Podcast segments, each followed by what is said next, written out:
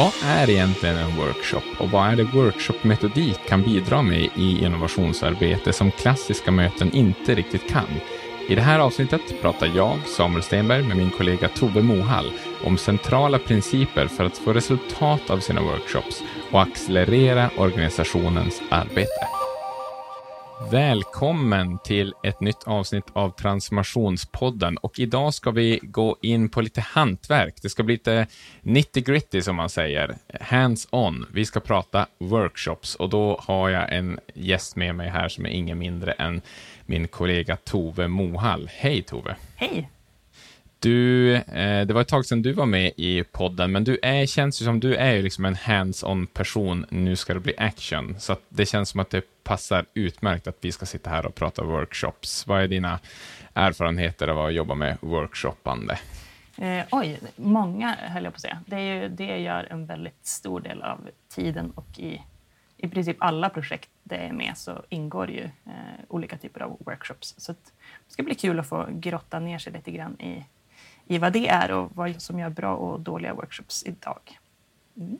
Mm, precis. Nej, men vi har ju, Eh, dels nu när vi har suttit och förberett det här avsnittet så har vi verkligen upptäckt att oj, det finns så mycket man skulle vilja berätta och så där. Och sen har vi också märkt att eh, börjar komma mer och mer förfrågningar från våra kunder, att det är fler. Och jag tror att det är inte minst nu i de här eh, digitala tiderna och pandemin som har fött det här att man känner att vi behöver hitta nya sätt att arbeta tillsammans. Så vi har haft tidigare avsnitt i podden när vi har pratat kanske i stort om möteskultur och digitala möten och så här. Så att eh, jag hoppas att det här avsnittet ska bli ett eh, bra nästa steg från det, man verkligen vill komma in lite mer på, men hur gör jag då? Och, så där. och då blir ju det här äh, workshop-greppet så viktigt att eh, förstå lite mer vad det innebär. Men som du sa också, det finns ju lite, finns lite missförstånd där ute och det finns en del dåliga workshops som pågår, ganska många tror jag, och, och, och, mycket bra också. Så att eh, vi vill försöka skicka med tips och tricks och kanske centrala principer kan man väl säga då för hur man faktiskt lyckas med, med en bra workshop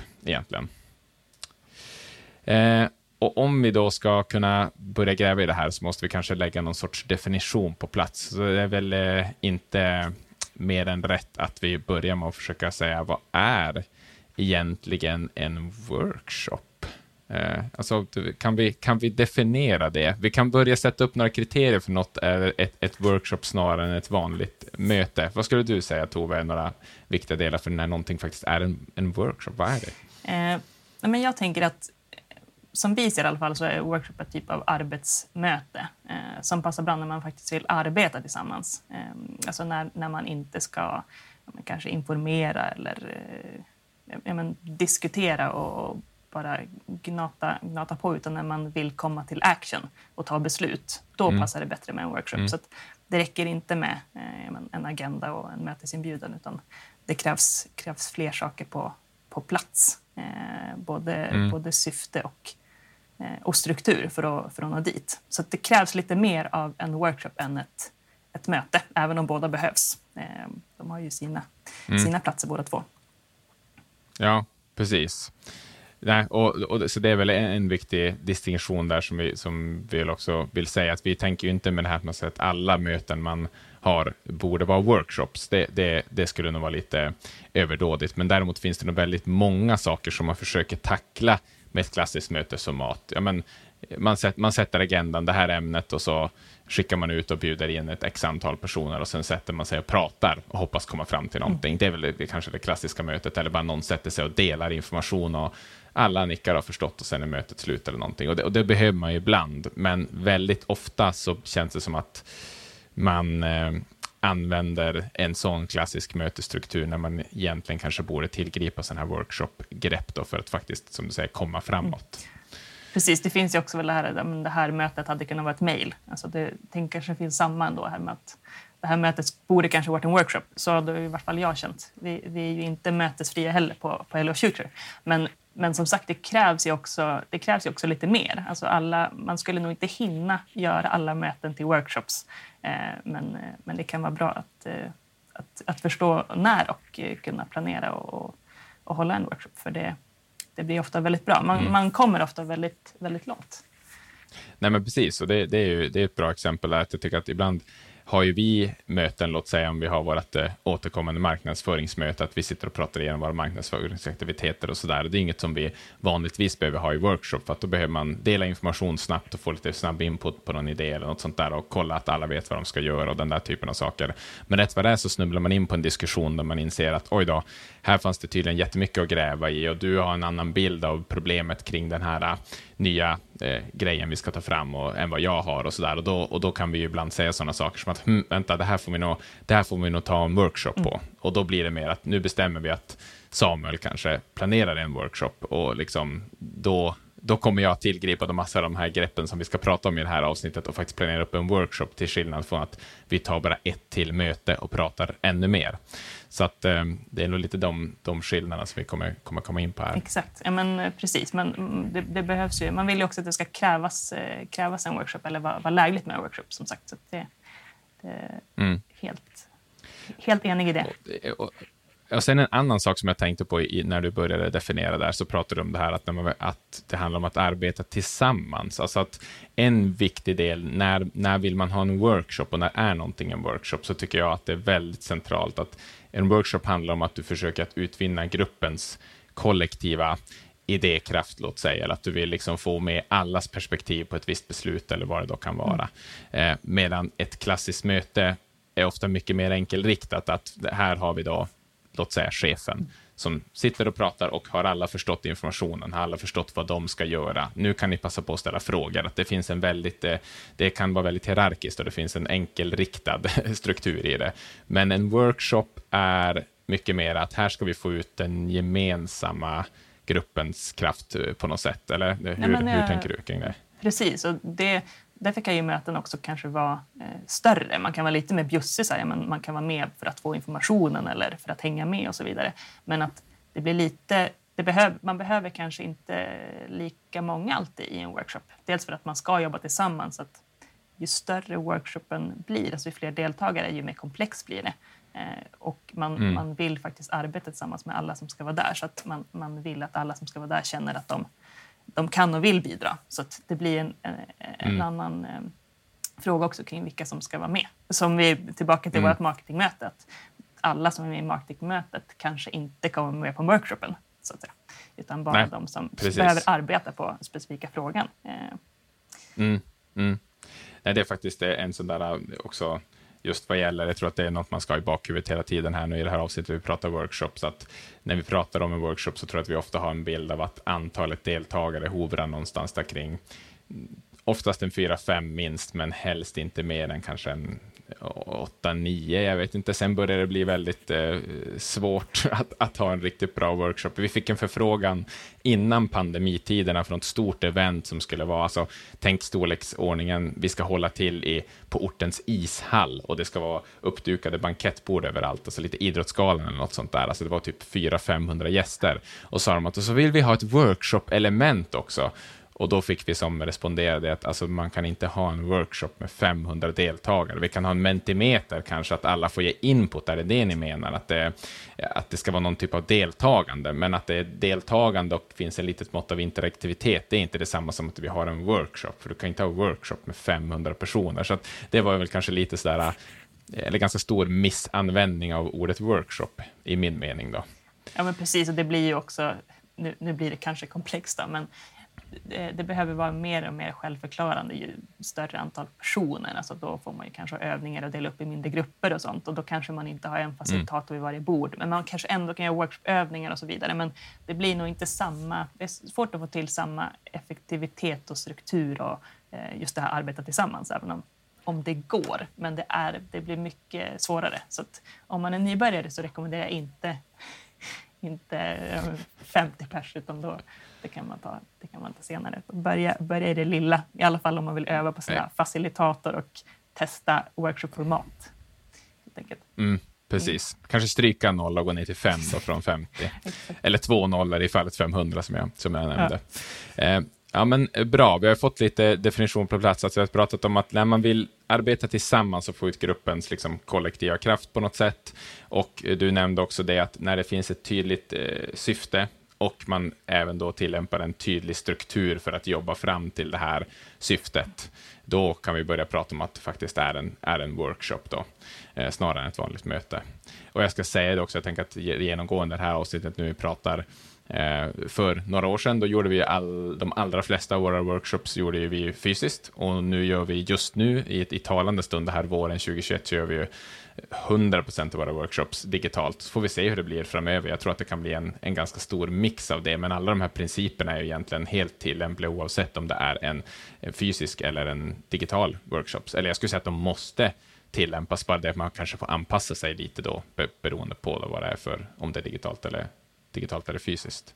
Är, är det någon sådär som du har känt att det här är den absolut största skillnaden, bara så innan vi dyker in, mellan här det här måste man verkligen tänka på digitalt versus det här måste man tänka på fysiskt? Är det någonting som vi vill skicka med där? så? Nej, men det... Oj, vad svårt. Jag tycker att det är, det är samma sak. Det är ju att förbereda, förbereda rummet eller den digitala whiteboarden eller vad man jobbar med. Sen är det just det här, istället för att boka mötesrum så får man ju se till att alla kommer in på men, digitala whiteboarden eller har, har förberett sig och sin workshop hemma så att säga. Att alla har bra lurar eller eh, sitter vid, vid en dator och sitter vid eh, så att man inte liksom samlar två vid samma dator. Och sånt där, så att man ser till att, att rätt förutsättningar finns på plats eh, för den digitala workshopen mm. så, att, så att den funkar. För det är väl lite sådana som, eh, mm. som man inte upptäcker att man, någon har inte ljud eller hörlurar eller eh, dåligt internet ja. och sånt. Så det är väl det är väl det. Det är väl att förbereda, men det är ju andra sätt att förbereda. Precis. Ja, det, det, är faktiskt lustigt tycker jag. Jag tänkte på det bara. Du och jag förberedde ju en, eh, ett, en uppsättning sprint-workshops här bara för ett par veckor sedan. Och just det där att dagen innan eller på morgonen så är man inne då i det digitala rummet i det här fallet. Och, liksom, och just det här borta har vi det, och här borta har vi det. Och det speglar väldigt eh, one-to-one, -one, så att säga, det vi skulle ha gjort om vi hade varit i rummet lite tidigare än kunden då. Liksom satt att här sätter vi upp den, här borta har vi våra pennor. Det är precis samma typ av förberedelser, men ja, på det digitala planet. Och så det är ganska intressant tycker jag. Att det, blir, det blir ändå samma typer av frågeställningar man måste ha. Det som är, det som är enklare nu det är ju just läsbarheten på post-its och sånt. Det blir ju enklare digitala rum. Mm. Hand, handstil är inte en lika tung Exakt. faktor längre, för att inte säga inte alls. Men, det, är, det är väldigt skönt faktiskt. Precis. Innan... Det tycker jag alltid är så jobbigt när man faciliterar en workshop, ska man läsa upp allas lappar och så ser man bara, fasken, jag kan inte läsa den här lappen. Och då blir det alltid den lilla jobbiga stunden. Exakt. Det, det kan ju vara väldigt fint skrivet också, just med, med någon typ av skrivstil, men det är svårt ändå. Det, det kan ju vara ett tips om, ja. Eh, om att man ska skriva i, i versaler kan jag påminna om ibland om man märker att det är svårt, och, mm. svårt att läsa. Men det är i, i, i fysiska rum. Eh, så det slipper Precis. vi här, digitala. Exakt. Och på det stora hela så är det väldigt likartat. I alla fall de här mer djupgående principerna som vi ska prata om här är ju verkligen, det gäller oavsett om det är digitalt eller fysiskt, verkligen.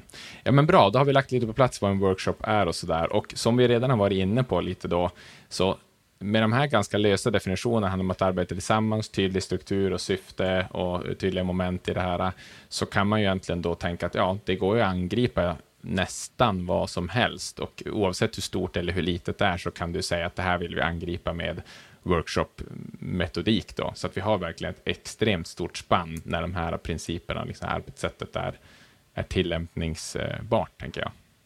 Mm.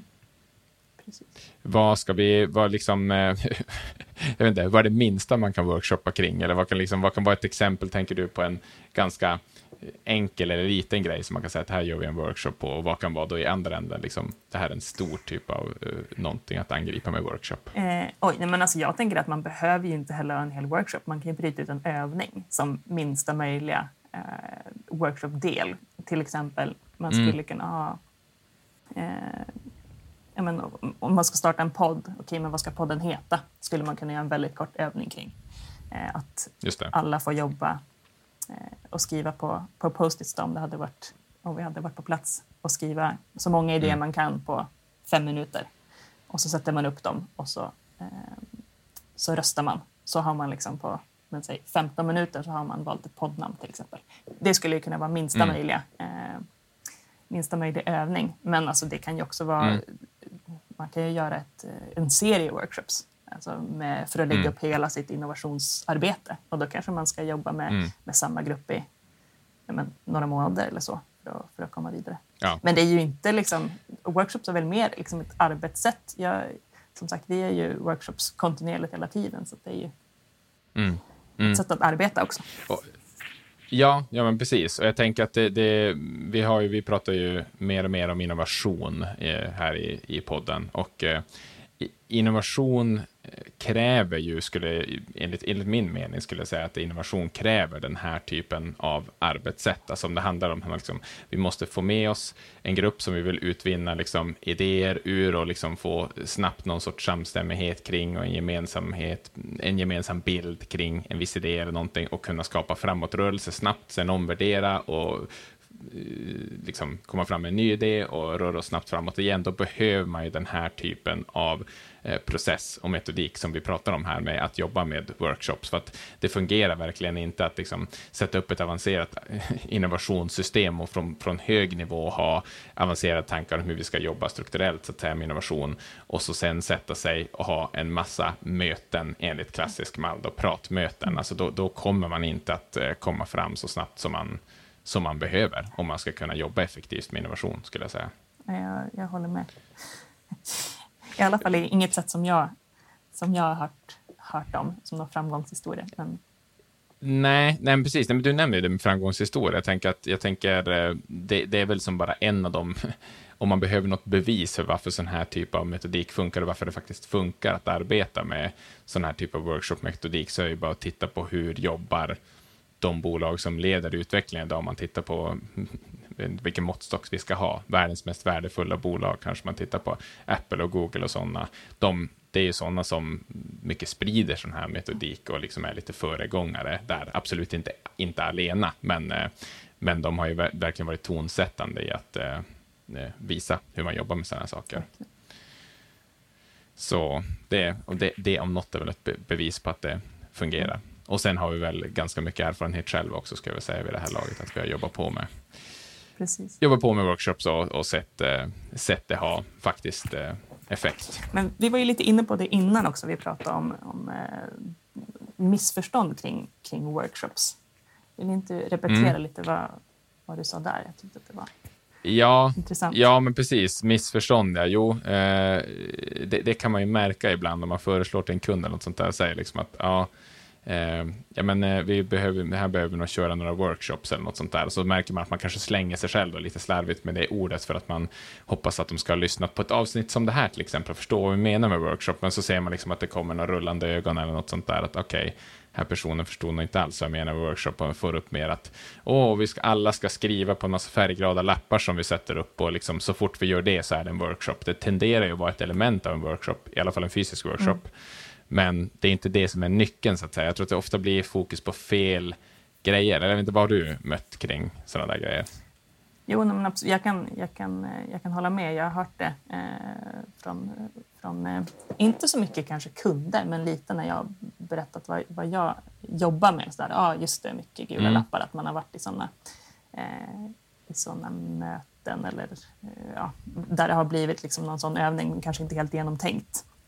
Alltid. Mm. Eh, så, och, och samma med, med brainstorming har jag också hört kring, alltså som Mm. just övning. Och jag tänker att brainstorming är ju lite, lite det som händer när man inte har planerat en övning.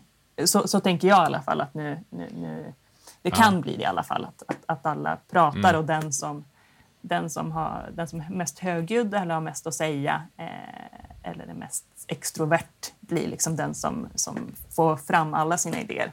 För man kan ju vara väldigt bra på, Mm. att, på att pitcha idéer. Eh, Man är kanske bra på hisspitch-delen av, av idégenerering. Men så finns det liksom någon Mm. som sitter där och eh, har superbra idéer och tankar. Eh, eller tankar om utmaningen, men, men att man inte vågar, eh, vågar säga dem eller hit, hittar utrymme Mm. för att få fram det. Mm. Eh, och då Mm. finns det ju många väldigt, väldigt mycket bättre övningar för att låsa upp gruppen eh, så att alla får komma till tals. Eh, och det är ju Mm. det, är det man, vill, man vill beskriva finns då, eh, i de sammanhangen. Exakt.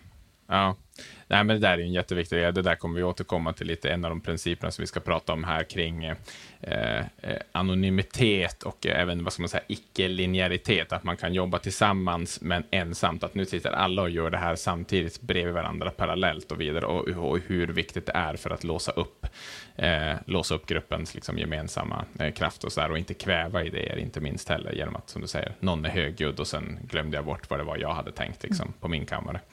Så att det, det kommer vi återkomma till, så det är jättespännande. Och sen en annan sak som jag också tror som eh, en ganska komplex fråga, men vi har börjat jobba mer och mer med det här kring det som vi kallar psykologisk säkerhet, alltså att hur man skapar trygghet för deltagare i, en, i workshop, så att det finns en, alltså rent ner till hur, hur hjärnan mår, eller egentligen att hjärnan är liksom i ett stadie där man kan komma fram med idéer och känna sig trygg att liksom arbeta så att man inte har en massa system som jobbar emot och bara för att hantera stress och liksom sådana andra saker. Och det är liksom ett så stort fält att det, det kan hända att vi kommer göra ett helt separat podcastavsnitt om det, så den kommer vi lite sätta parentes kring för nu, men vi kan säga att det är otroligt viktigt att det finns den här tryggheten för en deltagare när man går in i en workshop. Sen kan man ju skapa den delvis lite med god planering och sånt här som vi ska komma in på, men, men också det här hur man rent psykologiskt skapar trygghet. Men det jag vill komma till där är att just vad gäller missförstånd och fördomar kring workshops så kan man ha varit med på workshops som har övningar i början så där ofta som syftar lite till det här att skapa psykologisk trygghet. Att nu ska vi alla toka till oss och låta som ett djur, eller nu ska vi liksom, eh, alla ska hålla varandra i handen och ska vi säga något, ja, jag vet inte. I det finns många sådana här. Man kan, och sånt. Mm. Ja, precis, isbrytare och eh, det blir ju ofta fånigt. Det kan ofta användas utan någon riktig känsla för gruppens liksom, sinnesstämning eller något sånt där. Jag tycker att det är jag förstår var det kommer ifrån, men ofta så kan det eh, landa fel och då skapa liksom ett, istället för att skapa den psykologiska tryggheten, så sätter det nästan som inte, ett löjets skimmer nästan inför workshopstarten istället. Eller jag vet inte vad din erfarenhet är av den där typen av, ja, som du sa, icebreakers. Eh, ja, nej, men det handlar väl lite om att, om att känna in gruppen, tänker jag eh, vilken, typ av, vilken typ av intro ska vi ha. Ett, en klassiker som, som jag tycker funkar väldigt bra utan att... Eh, det är ju så här, men man tar en runda, vilka förväntningar har ni på, på dagen? Det är ju en ganska, mm. ganska safe icebreaker att i alla fall får prata lite grann och berätta lite.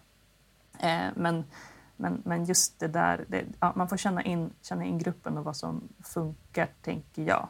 Eh, mm. när det kommer till mm. Men som sagt, det, det, det, ett, helt, ett helt annat avsnitt kanske där vi kan gå in på, mm. på de frågeställningarna. Tycker jag. Exakt. Vi, kan, vi, vi parkerar det för nu och säger att det är väldigt viktigt och mycket av det vi kommer att prata om här med våra principer, det kommer troligtvis att fallera om du har liksom en grupp som inte är, som inte är där mm. mentalt och som inte är redo att uh, arbeta tillsammans av då en möjlig myriad av olika orsaker. Så det, det måste vi hålla i bakhuvudet helt enkelt och så får vi se om vi kommer att fördjupa oss i det då eh, framöver.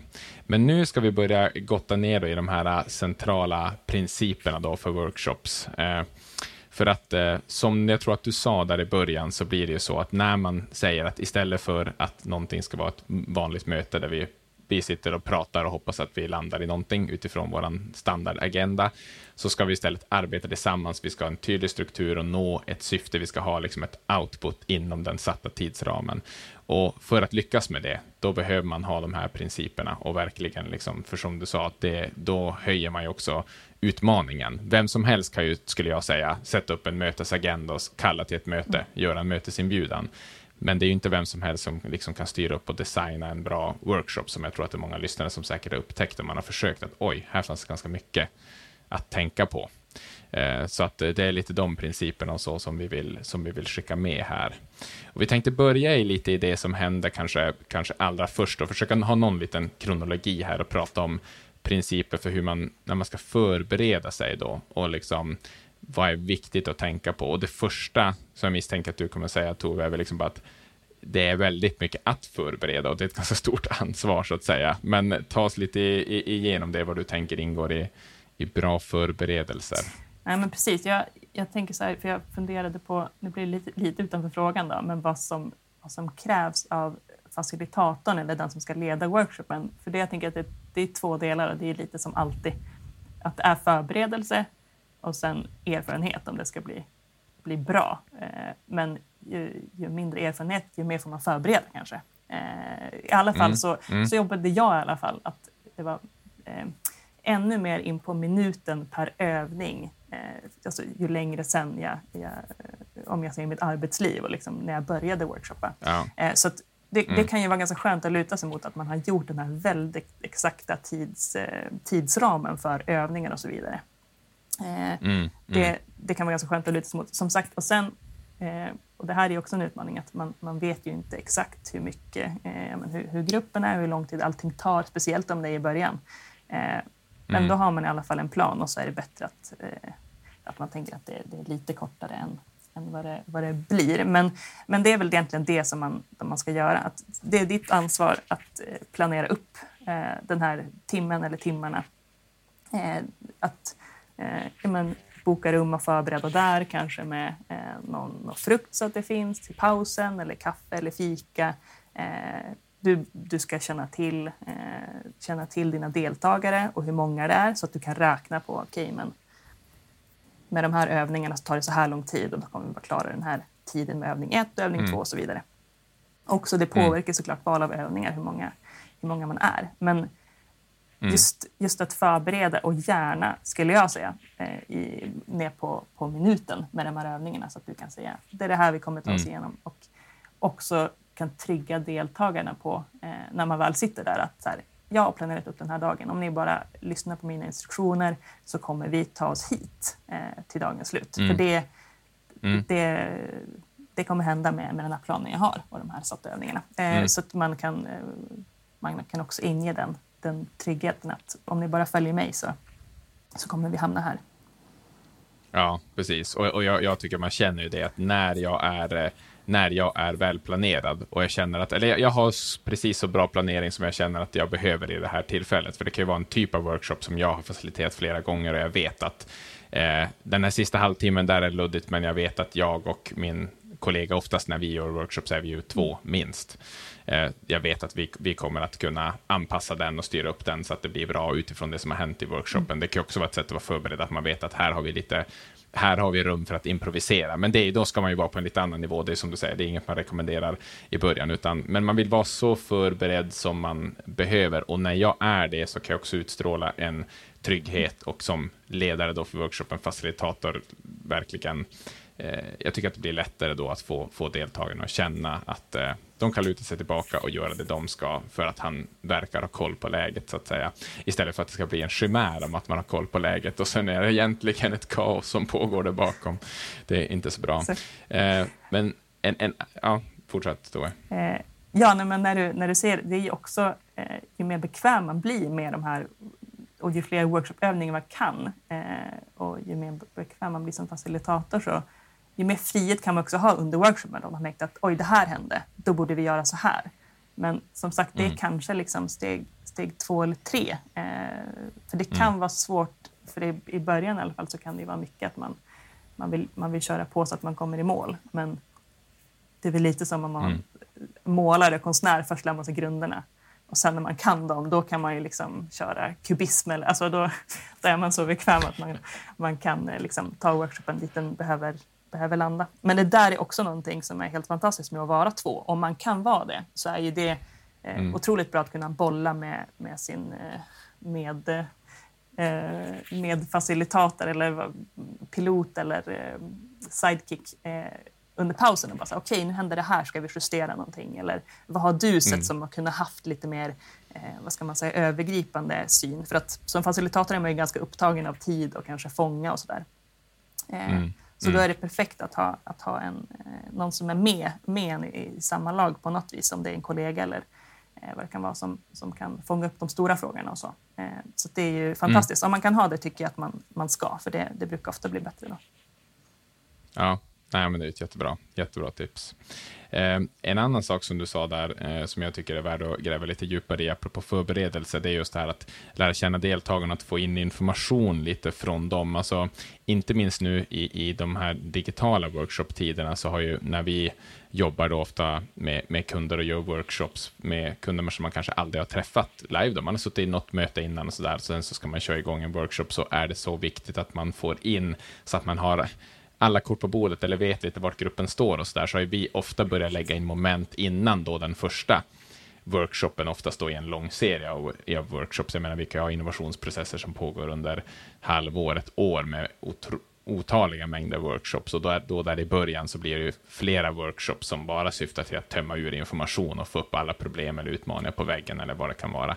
Men just det här att få in information, alltså låt säga då att eh, det handlar om att nu ska vi Eh, försöka eh, med workshopmetodik försöka tackla lite grann vad har vi för utmaningar i vår strategi det, det kommande året och liksom affärsutmaningar inför 2022 eller någonting sånt där.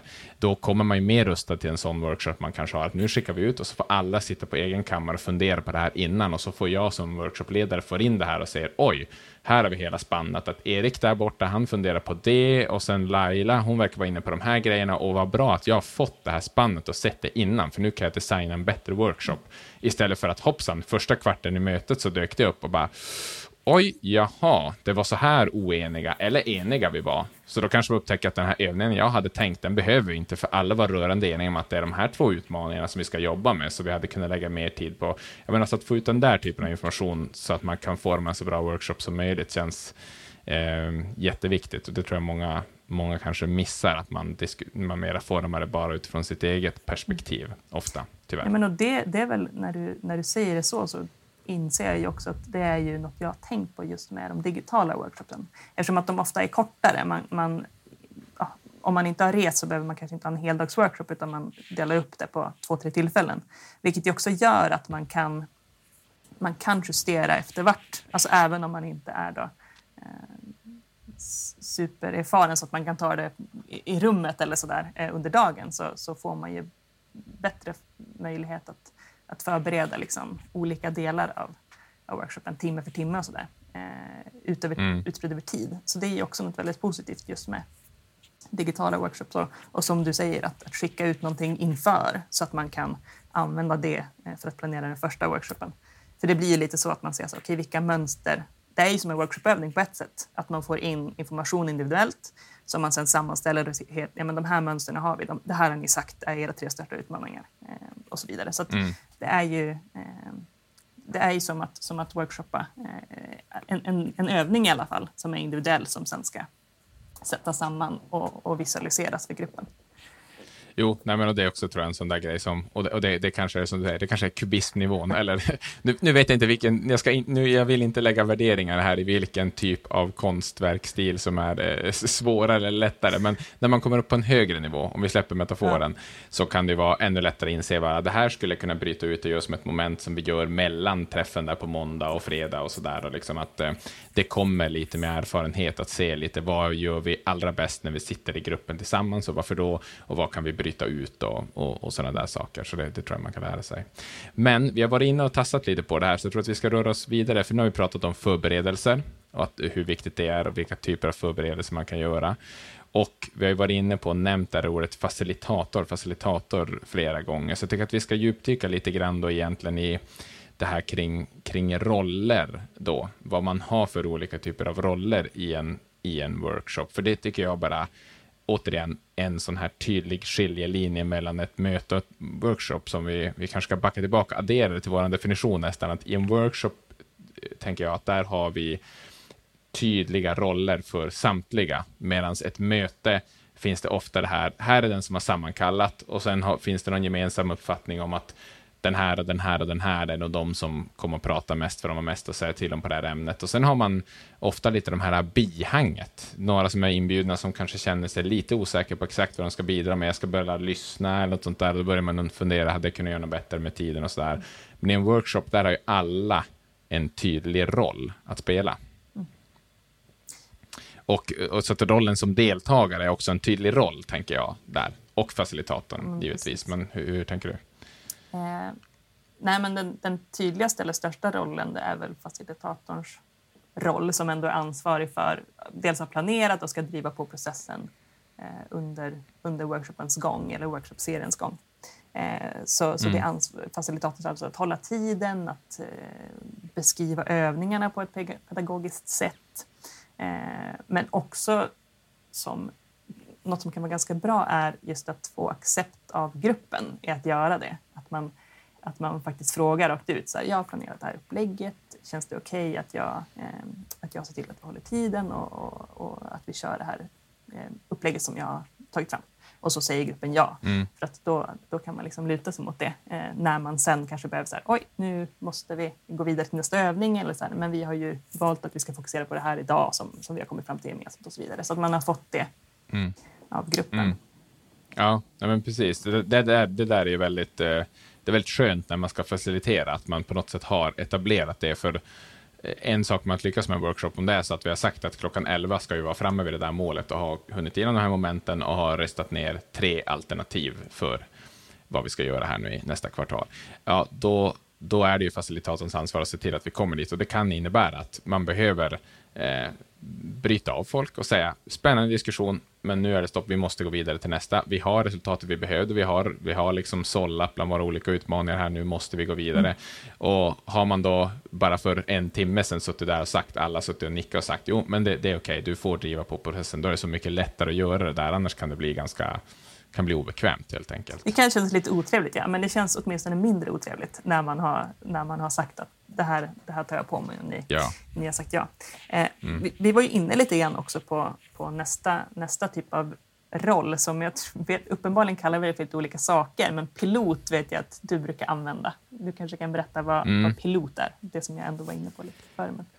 Ja, piloten, man, man, kan ju tänka sig att eh, facilitatorn eh, kanske är, är piloten. Vi pratar om, pilot, eh, om facilitatorn som den som har ansvaret för att driva på och så här, men jag tror att piloten är något som har fötts hos oss i den här digitala workshop-eran då att eh, vi har alltid en facilitator som är den som driver på och liksom ja, alla de sakerna du just sa, liksom pratar och så där. Piloten verkar lite i det tysta då, så att säga, med att ofta då i digital kontext ratta den här digitala whiteboarden som man behöver plocka upp, visa fönster. Eh, eh, det blir lite sekreterarroll kanske, att eh, samla in allas tankar, skriva, eh, renskriva och sådär. Och vi har ju även, när vi gör en fysisk workshop, så har vi också den här pilotrollen, att om jag står och beskriver, nu ska vi göra det här momentet, då du, kan du som pilot samla in allt som vi kom fram till i förra momentet och sätta upp det och liksom sådär. Och det är ju mycket att hålla tempo så där, att vi kan, kan samarbeta. Så att piloten är lite som en eh, Eh, li, lite sådär eh, assistentroll. Men också som du sa, så är det lite sidekick och sådär också. Alltså, den är inte,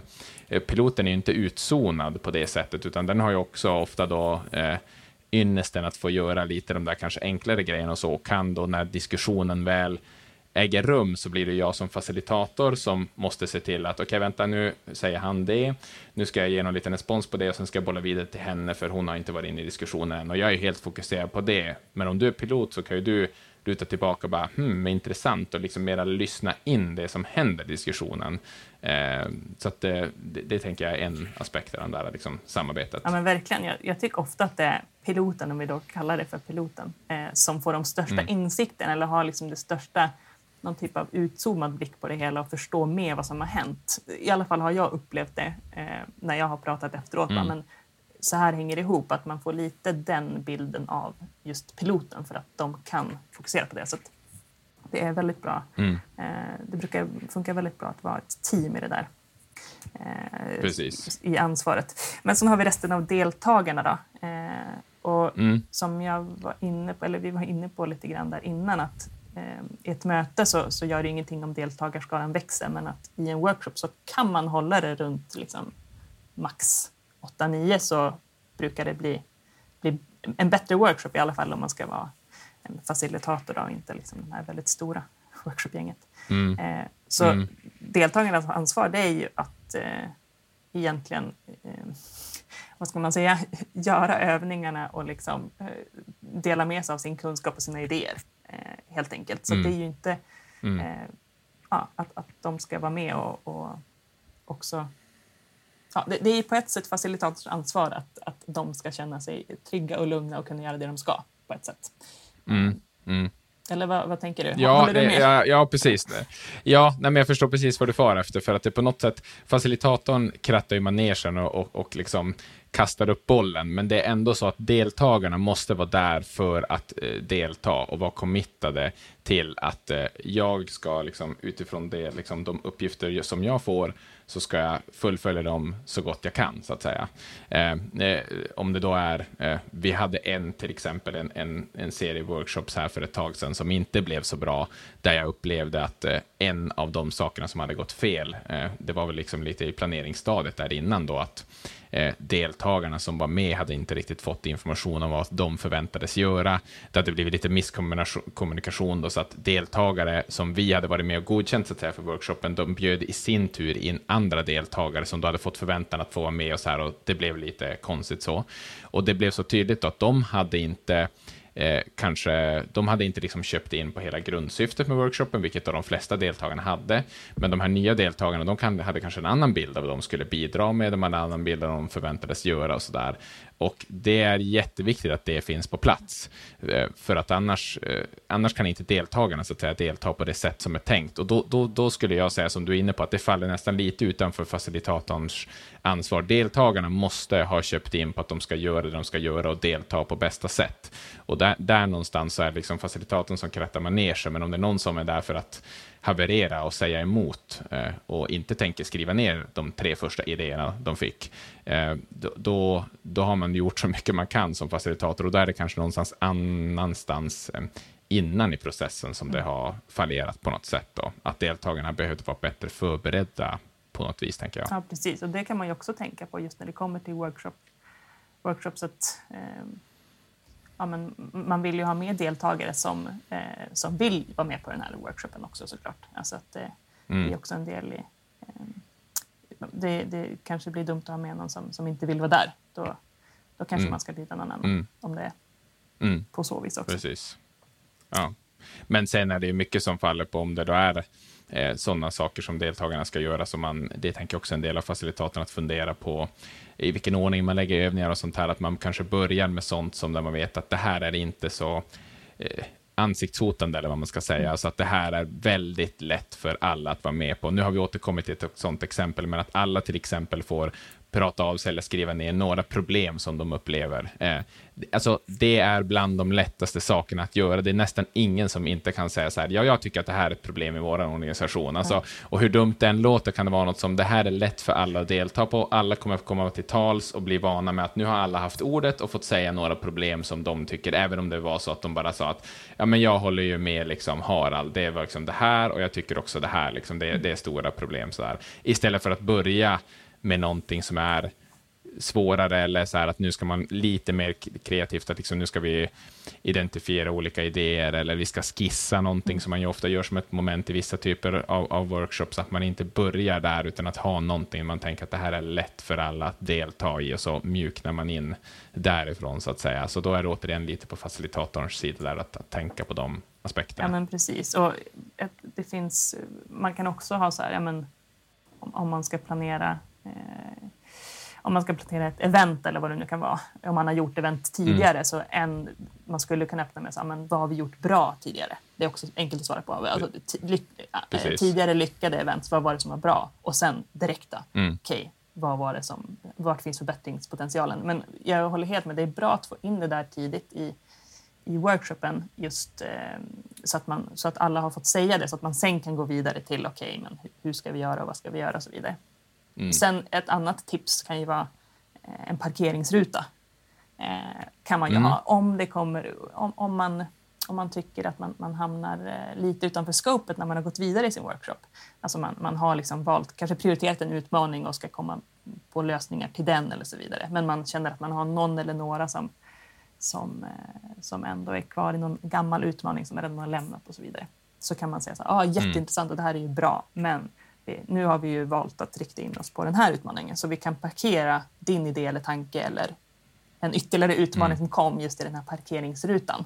Eh, så att, så att mm. man inte känner sig, för det är också viktigt som, som deltagare att man inte känner sig helt förbisedd. Eh, för det, det, kan ju vara väldigt viktiga saker som kommer fram men, men eh, mm. de, kanske inte, de kanske inte passar just, just eh, dit man har hamnat i, i workshopen. Och jag tycker det ger oss en perfekt brygga att glida över i den tredje delen som vi tänkte prata om här vad gäller våra principer. Då. För att först pratade vi här om förberedelser och att det, det, är så viktigt och viktiga grejer där.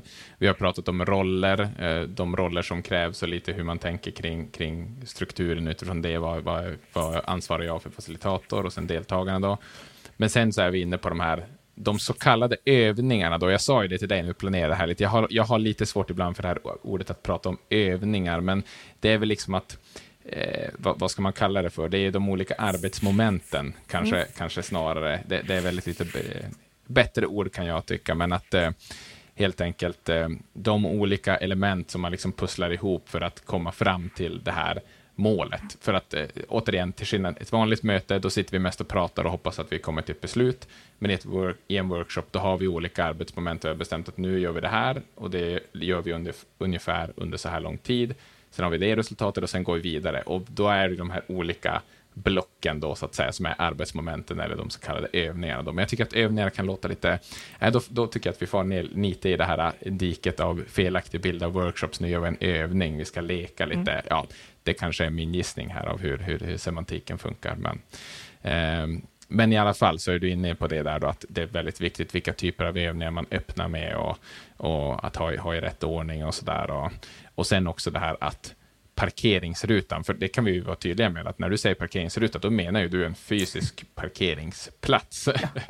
så att eh, liksom, den här lappen med den här idén som du skrev, den faller utanför det vi hade tänkt, men jag sätter den i parkeringsrutan. Titta, jag har satt den här, antingen digitalt eller fysiskt. Den finns kvar. Vi kommer hantera den, men det var lite utanför det vi hade tänkt här. Så det är ändå jättebra. Liksom. Okej, nu tar vi nästa idé. Liksom. Och då får man... Så det finns ju stor kraft i det här att få upp allting på väggarna och så. Var, var, varför är det så viktigt egentligen? Eh, men dels så är det ju någon typ av psyko, alltså när man sitter i ett vanligt möte och man känner att man sitter och väntar och väntar och väntar på ordet, man, måste, man vill säga sitt eh, på något mm. vis, för man har ju så himla smarta tankar och sen kan ju diskussionen ta vägen någon annanstans, man fick aldrig säga det kanske. Eh, men man kan ju ibland kanske sitta och tänka så mycket på vad man själv vill säga att man slutar lyssna på det de andra säger till och med. Alltså det finns problem i det där yes. att, att man inte får upp saker visuellt. Och det är det som är styrkan med men just att få upp information på väggarna, eh, alltså om man är i ett fysiskt mm. rum, eller på en digital whiteboard, att man skriver som digitala post-its. Just för att tömma mm. deltagarnas hjärnor och säga att ja, men, alla de utmaningar jag pratar om, nu sitter ju de här. Då kan man liksom andas ut och, och vara lugn och tänka att ja, men just det, min står med där eh, och sen kommer vi prioritera. Mm. Så det är också lite mm. av skillnaden på ett, på ett klassiskt möte i alla fall, att man, man, man får upp saker visuellt så att man kan börja Ja, det är två saker. Organisera kring det, alltså flytta runt och se om man hittar mönster till exempel, eller att prioritera, att rösta. Eh, typ av prick, prickröstning för att säga men vilken tycker vi som grupp är den viktigaste eh, utmaningen mm. eller bästa idén eller vad det nu kan vara. Mm. Mm. mm.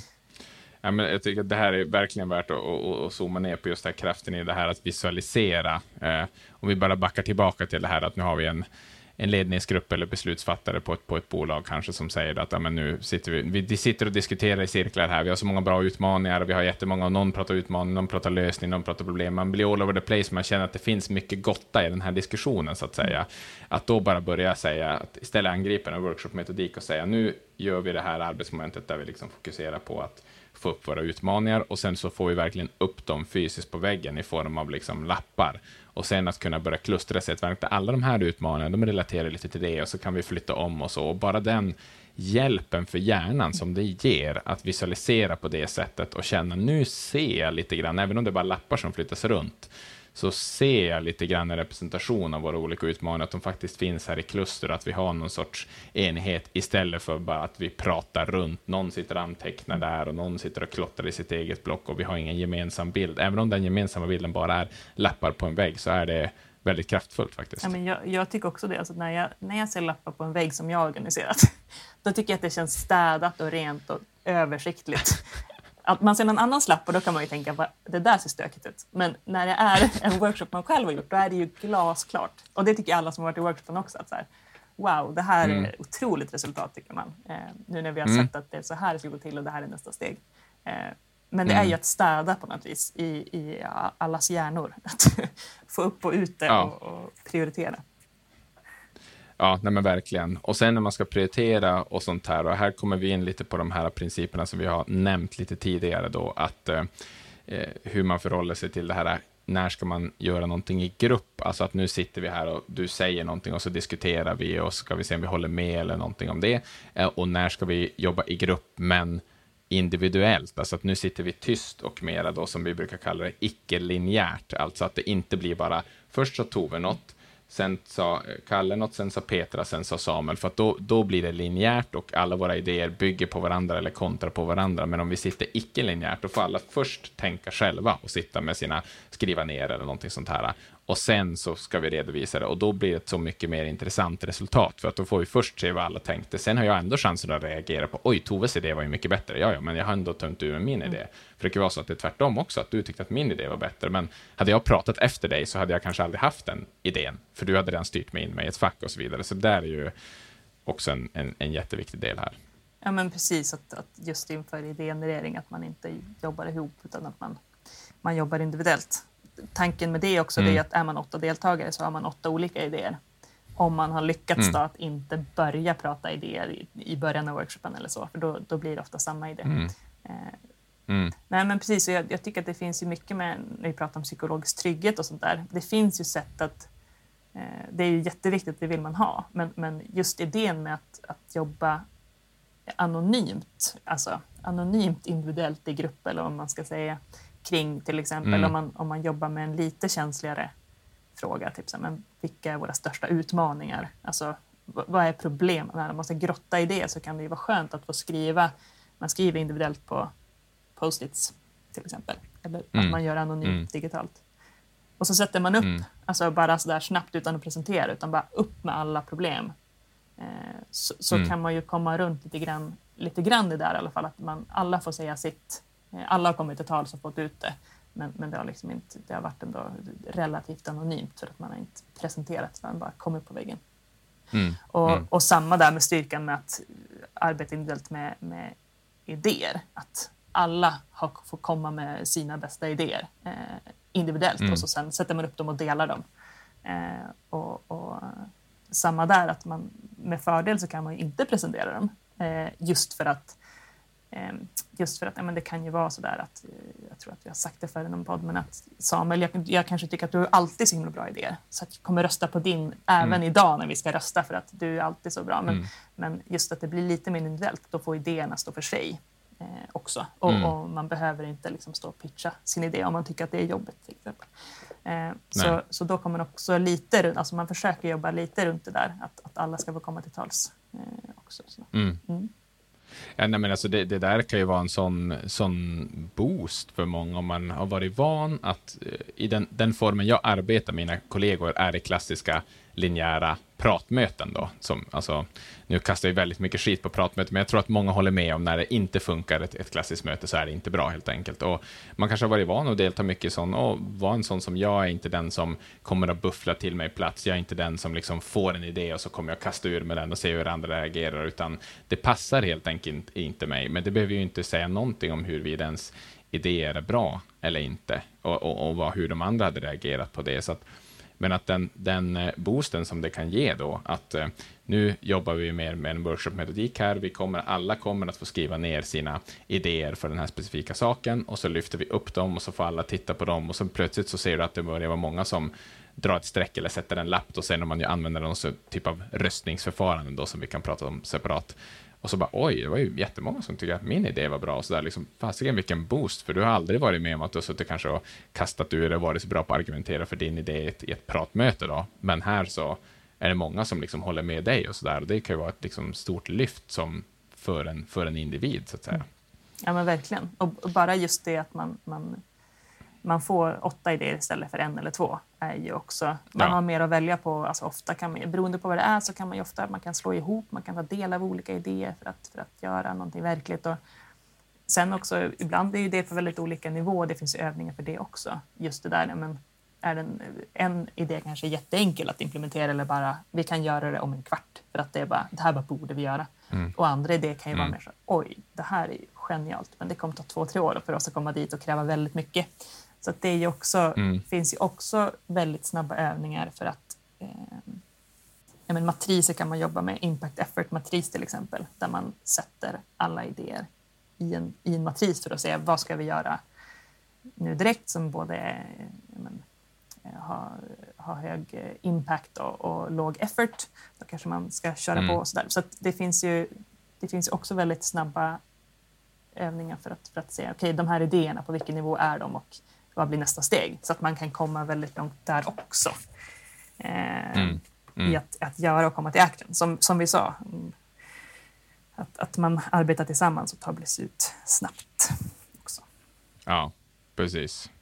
Jo, och där är du inne lite grann på, nu använder du det flera gånger ordet snabbt. Alltså det, är något, det, kanske vi inte, det känns som att vi inte riktigt berört det, men alltså i en väldesignad workshop så har du ju ofta minuten använder du ner, du använder tiden ner på minuten, ska jag säga, inte ta det bakvänt. Eh, och för att du, du, får ut väldigt mycket av den utsatta tiden, återigen jämfört med ett vanligt möte då, som tenderar att svälla och man känner att det är ganska ineffektivt nyttjande av tiden. Men om man verkligen har det här att nu tänker vi alla vid sidan om varandra först och då räcker det ofta med det är sällan som vi sätter sådana typer av tidsbegränsningar som är längre än fem minuter. Alltså ofta blir det bara Kast, börja med att kasta ur de, liksom, de första sakerna du tänker på kring det här området, idéer för vad vi hade kunnat göra på den här mässan. Och ja, alla, alla får fem minuter först, tycker man oj, det är lite tid. Liksom. Ja, men alla ska ha tre idéer och då är det liksom eld i baken. Då får man kasta ur och då är det ju en del av återigen facilitatens ansvar att liksom göra alla så trygga att de faktiskt kan kasta ur sig grejer. Då. Och då, då Eh, får vi jättemånga idéer på kort tid. Det behöver inte vara jättebra sådär, men då kommer man ju att lägga till något moment efter det för att sålla och liksom förfina och sådär. Men just det här att sätta hårda tidsgränser och att ha ett tydligt tidsschema som leder fram till att man faktiskt tvingar fram någon typ av resultat eller beslut innan den utsatta tiden. Det är ju en av de verkligt kraftfulla delarna i att få en workshop. Eh, för att sitta och bara prata i ett möte är inte alls säkert att det kommer landa i någonting som känns konkret, utan man sitter där när klockan är tolv och bara ha, vad har vi bestämt eller kommer vidare med någonting. Men en väldesignad workshop, då kommer man ju förhoppningsvis aldrig att hamna i det, utan du har alltid ett tydligt resultat. Om det då är action eller att du har identifierat en tydlig idé att gå vidare med i nästa del eller någonting. Alltså just att det är driven mot resultat, resultat, resultat, mm. tänker jag. Alltså i någon form, alltid. Och med de här tidsbegränsningarna också som är så, så centrala. Precis. Ja, jag, jag brukar vara ganska hård med, med tider. Jag tror att Kalle, Kalle har pikat mig för det. Någon gång ni som har lyssnat på podden har ju hört Kalle Jägers. Han, eh, ja, han, han sa väl här, vi hade en intern workshop här en veckan. Han bara, ah, nu ska jag prata lite grann. Jag har fått 20 minuter. Jag hoppas att det inte kommer dra över. För att han vet att jag är hård med mina, mina workshop-tider. Eh, så att det, ja. det, men det också kan vara bra också att tänka på just att så här, men nu är det åtta minuter och att man inte liksom börjar bjussa på tid utan att man, man eh, kan behöva hålla dem. För att det blir också avväpnande på ett sätt att nu har vi sju minuter eller fem minuter att skriva idéer. Men då blir det också mm. så här, men då kan man ju inte skriva ut eller jobba ut det. Liksom. Man har inte en timme på sig så att alla har liksom samma, samma tid. Och, eh, vi kommer ändå prioritera senare. Så det kan också vara avväpnande att just ha den här timeboxen som är kort. Eh, mm så, så kan, det är klart, det kommer ju alltid efterarbete efter en, en workshop som, om saker ska göras, eh, mm. göras ut och sådär. Eh, det behövs mm. ju mer arbete än en post-it, men då har man i alla fall prioriterat och valt denna post-it med, med omsorg ja. och som grupp. Mm. Exakt. Nej, men just det ordet du använder där, alltså timebox, alltså att sätta tidsbegränsningar. Och det, det är någonting som när jag började min resa en gång i tiden att lära mig mer om det här typen av arbetssätt och liksom workshop-metodik, så var man först ganska man märkte hur ovan man var med det helt enkelt. Att liksom, oj då, ska vi göra det här och vi har bara en viss tid på oss, men vad då, det blir ju bara stress och hur liksom, men det är sällsynt kraftfullt. Alltså att det, och, och just att, men, men sen ska man ju, man ska ju använda det på vid rätt tillfällen också. Det är inte allt som ska sättas inom en för hård tidsbegränsning. Eh, så att det, det, men det där är ju någonting som man lär sig såklart. När passar det med en hård tidsbegränsning? När ska vi ha lite mera löst och sen liksom samla ihop forskocken igen och liksom de där typerna av grejer. Men, men eh, Eh, så att mitt råd, bara om jag tänker tillbaka själv, när jag lärde mig att hålla i workshops och sådär, då är det nog verkligen att gå på det här med att verkligen hålla hårt på tiderna och att in, och försöka att inte liksom fladdra ens egentligen på mer än eh, att oj hoppsan, en minut mer eller någonting. Men alltså det är ungefär, det är ungefär de tidsspannen vi, vi pratar om. För testar man det och lär sig den, det sättet att arbeta så börjar man upptäcka kraften i vad som händer när man tvingar sina kollegor då så att säga att göra någonting faktiskt med en hård tidsgräns. Mm. För annars i de här pratmötena så då är det ofta att man vet att vi har sagt att vi skulle bestämma eller vi skulle landa i någonting. Men du har alltid backupen att det går att ta ett möte till eller skjuta på det lite eller någonting. Och, och jag tycker att det är så kraftfullt det här bara för att börja närma sig en liten avrundning. Alla de här typerna av principerna som jag pratar om här kan ge så kraftfulla resultat, men börjar man att liksom flacka på det här med tiden och tycka att Nej, men nu får de diskutera lite grann och så där, då, då faller ju som allt lite grann, mm tänker jag. Nej, men precis, och det handlar ju också om just det här med, med att man har fått accept att så här, jag kommer ansvara för att vi, vi håller tiden och, mm. där, och då, då är det enklare också att se till att det är så nu, nu kör vi nu kör vi åtta minuter och sen ska vi ta igenom så här och nu är det kaffe. Så att, eh, mm. Och sen tycker jag också bara eh, det är väldigt lärorikt att vara med i andras workshops. Eh, där lär man sig också väldigt mm. mycket. Jag har ju varit med nu senaste tiden både den du har haft och Johan hos oss och Petter har varit med när han har haft och sådär. Så det är om man, om man vet några, några bra, eh, någon som man har hört eller tycker är duktig på att facilitera och driva workshops så försök få vara, vara med. Eh, men man läser väldigt mm. mycket eh, eh, av det. Mm. Ja. ja, det tror jag, det tror jag är ett jättebra sådär om man ska börja som sagt lite, lite avrunda sig övergripande om man känner att man fasken min organisation, vi behöver nog börja använda li, lite fler workshops och lite, lite färre möten. Och, och känner man att ja, men jag, jag, jag kan vara en liten riddare för det här, en förkämpe och liksom börja driva och styra upp lite och lära mig mer och sådär. Så tror jag, alltså, har man en, bara att få, försöka få med sig en parhäst i det, så kanske man kan alternera. Och, eh, är du pilot en gång och den andra facilitator, då kan man efteråt också ha en liten debrief som vi kallar liksom, hm, hur tycker du att det gick och hur, vad hade jag kunnat göra annorlunda, vad hade du kunnat göra annorlunda? kan man hålla lite handen och feedbacka på varandra och sådär. Och så, eh, försöker vi vara bra på, liksom, att man utnyttjar varandra som, som kunskap där också. Återigen, just eftersom att särskilt om man är facilitator så är man så uppe i att driva hem det här på minuten som vi varit inne på, att då kan det vara svårt att ta klivet bak och reflektera över hur gick det här? Vad hade jag kunnat göra annorlunda? För du har ditt schema, du har ditt mål som du ska driva mot och det är bra.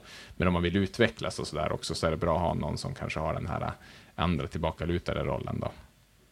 Och en, en, ett annat trick som vi faktiskt har gjort där nu om man sitter och har digitala workshops. Nästan alla mötesprogram som man har nu går ju att spela in. Du kan ju faktiskt utvärdera lite grann själv och, så och titta vad var det som gick fel där eller sådär. Mm. Genom, att, genom att spela in, titta igen eller visa för en kollega eller vad det nu kan vara. Om man verkligen vill utveckla sig på det. Men du, är det något mer sådär avrundade tips kring det här med workshops? Eh, hur tycker du att vi ska liksom eh, knyta ihop eh, säcken här? Om man till någon sådär som vill vill sätta igång och bli bättre på det? Vad tänker du då är det viktigast att skicka med? Nej, men jag tänker att eh, alltså om man är van, van att hålla och, och driva möten eller så, att man, så, så är ju inte steget jättestort att lägga in. Man kan ju börja med att lägga in en övning och liksom testa på sådär. Mm. Eh, och jag tänker att just, just förberedelse och erfarenhet är väl det som, som gör att det, det blir bra. Eh, och sen mm. finns det ju många andra tips och tricks där ute. Förhoppningsvis har man fått med sig någonting, någonting eh, här idag kring just menar, att man ska förbereda sig och få accept från gruppen mm. och eh, driva på och hålla tiden. Och lite tips på övningar också tror jag. Eh, men det, annars mm. är det ju mest att, eh, att testa helt enkelt. Mm. Eh, och, Verkligen. Ja, annars, vi finns ju också här om det är någon som vill ha hjälp från oss. Så. Absolut, vi gör ju en hel del eh, workshops och även vi håller ju på också just nu att utveckla lite digitala kurser och sådana här saker, just som inte för att arrangera workshops hos er då, utan för att eh, utbilda workshopledare. Eh, eh som man kan gå då helt eh, asynkront, som vi säger, att man sitter och kollar på video och gör övningar och sånt där, så kan man gå det helt eh, i, i sin egen takt och så där och lära sig att strukturera och, och hålla i workshops en, som en betydligt mer fördjupande än vi har hunnit med här i podden, så att känner man att man är nyfiken av det så kan man som sagt höra av sig. Men eh, jag tänker också det där att, eh, att, att våga testa och, och köra och, och, att hålla tillbaka till, till syftet och liksom varför workshops är så kraftfulla som vi pratade i början. Om man känner det här att Eh, vi sitter fast lite i våra mötesrutiner. Det blir ofta mycket pratigt, vi inte rör oss liksom framåt. Eller också om man känner det här att ja, men, vi vill kunna spida på vår innovation och röra oss snabbare framåt med våra idéer, testa, ta beslut. Eh, och också skulle jag säga en liten aspekt som vi inte riktigt har, har berört, men om man ska samarbeta ihop kanske tvärs över, om vi säger att den här avdelningen den här avdelningen, eller marknad och sälj måste bli bättre på att arbeta tillsammans och sånt här. Mm. Där man har en grupp som inte är van att arbeta tillsammans och så sätter man dem, nu ska ni ha ett möte och så vet man knappt ens, ha, vem tar ordet och liksom det där. Att då använda workshop-metodik för att liksom säga att nu, nu löser vi upp det här och det kanske är svårt för oss att sitta och prata, för vi brukar inte ha möten tillsammans, men däremot att nu har vi en övning, alla skriver ner grejer, alla jobbar och så lägger vi in, pitchar vi in tillsammans.